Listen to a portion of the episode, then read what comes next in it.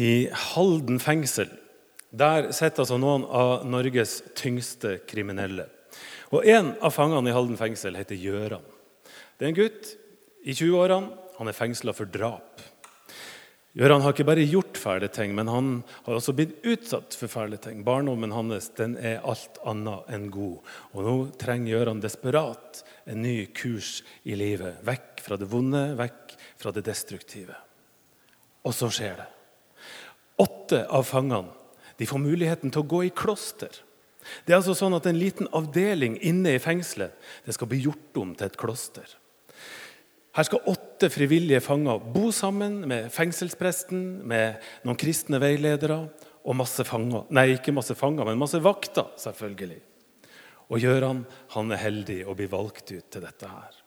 Prosjektet det skal vare i tre uker, og fangene skal leve veldig tett sammen, i taushet.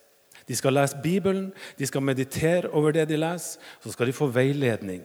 De er altså med på et over 500 år gammelt retreatopplegg. Og Gøran har tenkt at dette det er min store mulighet til å få en ny retning i livet, til å få livet forandra. Men etter sju dager så ga han opp. Stillheten og roen ja, den var så krevende og den tvang han til å gå inn i de verste delene i livet og i fortida. Så nå var Gøran så full av angst og så full av sjølforakt at nå orka han ikke mer. Nå ville han bare ut av klosteret og leve et vanlig fengselsliv. Fengselspresten han heter Kjell Nyhus. Han har skrevet bok om dette som skjedde. 'Hvis jeg har en sjel', heter boka, og her forteller han at Gøran han lå i senga si og hadde det helt forferdelig. Og Da er det at to av de andre fangene som er med på opplegget, får lov til å komme inn i cella. Så setter de seg på sengekanten og så sier de, 'Vi vet hvordan du har det nå.' For vi kjenner det mørket som du befinner deg i. Vi har vært der. Men vi er glad i det, og vi har trua på det. Og sammen så skal vi klare dette her. Fengselspresten står i døra og ser på de tre. Han betrakta altså to unge menn dømt for brutal vold. Men her viste de altså ømhet for en livredd og sønderknust bror. Og det er det som skal til. Etter dette så snur det for Gøran. Han bestemmer seg for at han skal prøve å være med videre likevel. Og Så spør han om han får lov til å ha med en gitar inn i cella. For det å spille gitar det er med rolig, sier han. Det er aldeles forbudt å ha gitarer i Halden fengsel, for gitarstrenger det er ikke noe man gir til noen som er i psykisk ubalanse der inne. Men Gjøran han får tillit, og vaktene gir han en gitar. Neste morgen så går fengselspresten inn i cella, og så finner han Gjøran. Og han er helt forandra. Den natta så hadde han ikke bare spilt gitar, men han har fått seg en ordentlig gudsopplevelse. Et møte med Guds kjærlighet. Og akkurat hva han har opplevd, ja, det er det bare Gjøran som vet. Og Gud, da. Men forandringa, ja, den kunne alle se. Angsten, den var bytta ut med fred. Fortvilelsen, den var bytta med tru. Og Kjell Nyhus han skriver at denne natta så må Gjøran ha blitt tatt av lyset. Og lyset med stor L det hadde ført Gøran til et sted han aldri hadde vært før. Den kvelden så var det gudstjeneste i klosteret. Og Gøran han fikk være med og dele ut nattverden. Og Nyhus han skriver i boka si det er første gang jeg har mottatt Guds nåde fra en drapsmann. På slutten av gudstjenesten så er det en fra Hells Angels som rekker opp handa. Han vil så gjerne lyse velsignelsen over de andre, sier han. Og så skjer det, altså. De alle sammen reiser seg opp. Og en av helvetes engler lyser velsignelsen over vennene sine, og så tegner han korsets tegn. Og så skriver Kjell Nyhus så fint i boka si det hen dager kommer med noen ting i fanget som du ikke hadde tenkt kunne skje. Og dette, det var en sånn dag. Jeg vet ikke, jeg elsker denne historien her. Den er sann. Det er det verste av alt. Og den sier noen ting om at uansett hvor mørkt livet kan være, så kan det forandre alt hvis man får et møte med Guds kjærlighet. Det kan gi livet ny mening, og det kan gi den sønderknuste håp og nytt mot og ny kraft. Og nå er det masse folk her. Jeg vet jo ikke hvordan alle dere har det. Men jeg tror vi skulle ønske at vi kunne si at livet er godt, alle sammen, og at gledene er mange. Men hvis vi har én ting til felles, så tror jeg at eh, det må være at livet også består av utfordringer. Sykdom, savn, usikkerhet, ensomhet. Vi vet hva de tingene der er for noen ting. Og jeg tenker at Mye av det som er mørkt i livet vårt, det er jo ting som er utafor vår kontroll. Altså Livet kommer og tar oss av og til. Det rammer oss alle. Men så har det også slått med hvor mottakelige vi er for de negative tingene. Og hvor stor plass vi gir negative ting. Altså, Tenk bare hvis noen kritiserer oss eller snakker stygt om oss. Tenk hvordan det former sjølbildet vårt, og hvordan det preger handlingene våre. Mens de gode ordene skryt og anerkjennelse og sånn, det går ikke så lett inn for de fleste av oss. Det må vi høre mange ganger før vi tror på det. Jeg tenker at Ofte så suger vi til oss det negative, og så lar vi det prege livet vårt. Mens det skal litt mer til for at det positive skal feste seg. Og så har vi nettopp hørt en bibeltekst som forteller oss at alt det mørke i livet det får mye mindre plass hvis vi tar imot Guds kjærlighet. Husker dere teksten som Astrid leste så fint? Det er altså Jesus som snakker til disiplene sine. Han holder sin avskjedstale. Dette er altså samme kveld som han skal bli tatt til fange. Dagen etter så skal han bli korsfesta og drept.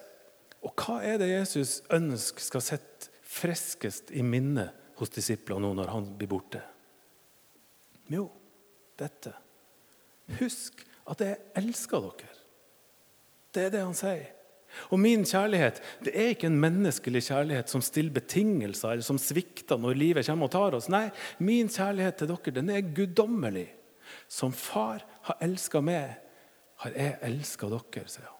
Min kjærlighet er ikke av denne verden. I ettertid så vet vi at livet til disiplene det skulle bli ganske vanskelig. De neste dagene de var jo ordentlig dramatiske. Altså, de ble fylt av usikkerhet og masse fortvilelse. Men så skjer det altså at Jesus står opp fra de døde og viser for disiplene sine flere ganger.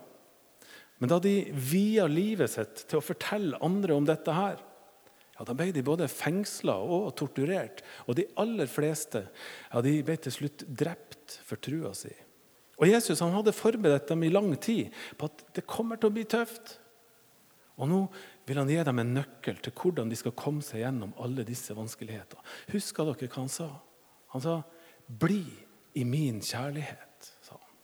Ikke gå noe sted. Ikke tro at dere finner en sånn kjærlighet andre plasser. Men jeg har noe jeg vil gi dere. Jeg vil gi dere min glede.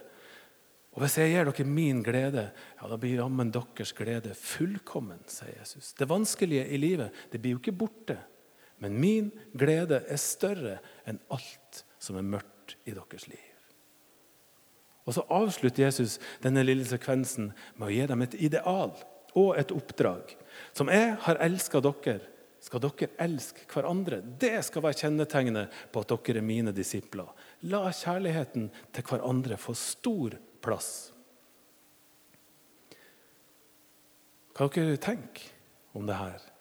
Ja, men det Blir det litt svulstig med alt dette kjærlighetspreiket? Eller blir det bare en sånn platt klisjé, alt dette kjærlighetsgreia? Altså, Det er ganske enkelt å stå her og snakke om kjærlighet. Men å få det til i praksis, ja, det er en ganske annen sak. Altså. Dette strever vi jo med, alle sammen. ikke sant? Både å elske hverandre og til og med elske oss sjøl kan jo være vanskelig. Det å gi kjærlighet og det å ta imot kjærlighet det er ikke så enkelt. Det at det finnes så mange kompliserte kjærlighetsforhold og så mange brutte kjærlighetsforhold, det sier noe om hvor vanskelig dette er. Men nettopp derfor så tenker jeg at dagens tekst det er en skikkelig karamell. Altså. Det er ordentlig oppmuntring. For her sier Jesus at det vi ikke klarer, det klarer altså han. Han kan dekke vårt behov for å bli elska. Og ikke at det er noe galt i å lete etter kjærlighet andre steder. og Tvert imot, Jesus ba oss jo om å elske hverandre. Men vår kjærlighet den er ikke fullkommen. Vi skuffer hverandre. Vi svikter hverandre. Men Guds kjærlighet den gjør ikke det. Den er sterkere enn vår. Den svikter ikke, og den stiller ikke betingelser. Guds kjærlighet er en kjærlighet som kan fylle sjøl det mørkeste i livet vårt med lys. Helt til slutt hvordan skal vi slippe til dette i vårt liv? Hvordan kan vi ta imot Guds kjærlighet? Ja, jeg tror at det er tusen måter å ta imot dette på.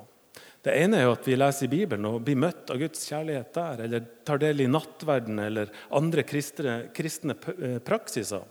Bruk naturen eller kunst eller sånne ting. Og Er du et følelsesmenneske, ja, så ta følelsene i bruk. Er du først og fremst rasjonell, ja, så tenk fornuftig, da. Det å slippe Gud til i vårt liv, det er en individuell og veldig personlig øvelse. Men Jesus han evner å møte oss der vi er sånn som vi er. Og så tror jeg det at alle disse måtene som vi kan søke Gud på, de, om, de har én ting felles. Og det er at vi er nødt til å sette av tid til å søke Gud. Vi er nødt til å sette av tid til å feste blikket der som vi tror Gud er å finne. Akkurat sånn som de gjorde i fengselet, i Halden fengsel. Gjøran og de andre fangene de gjorde jo akkurat det. De satte tid, satte seg av tid til å vende blikket og tanken mot Jesus. Og det gjorde jo ting med dem. Sjøl tunge kriminelle begynte å vise kjærlighet til hverandre. Og vanskelige liv fikk nytt liv, innhold, der lyset tok plassen som mørket hadde hatt. Det skjedde. Og jeg tror at det kan også skje med oss hvis vi setter av tid, sånn som de gjorde.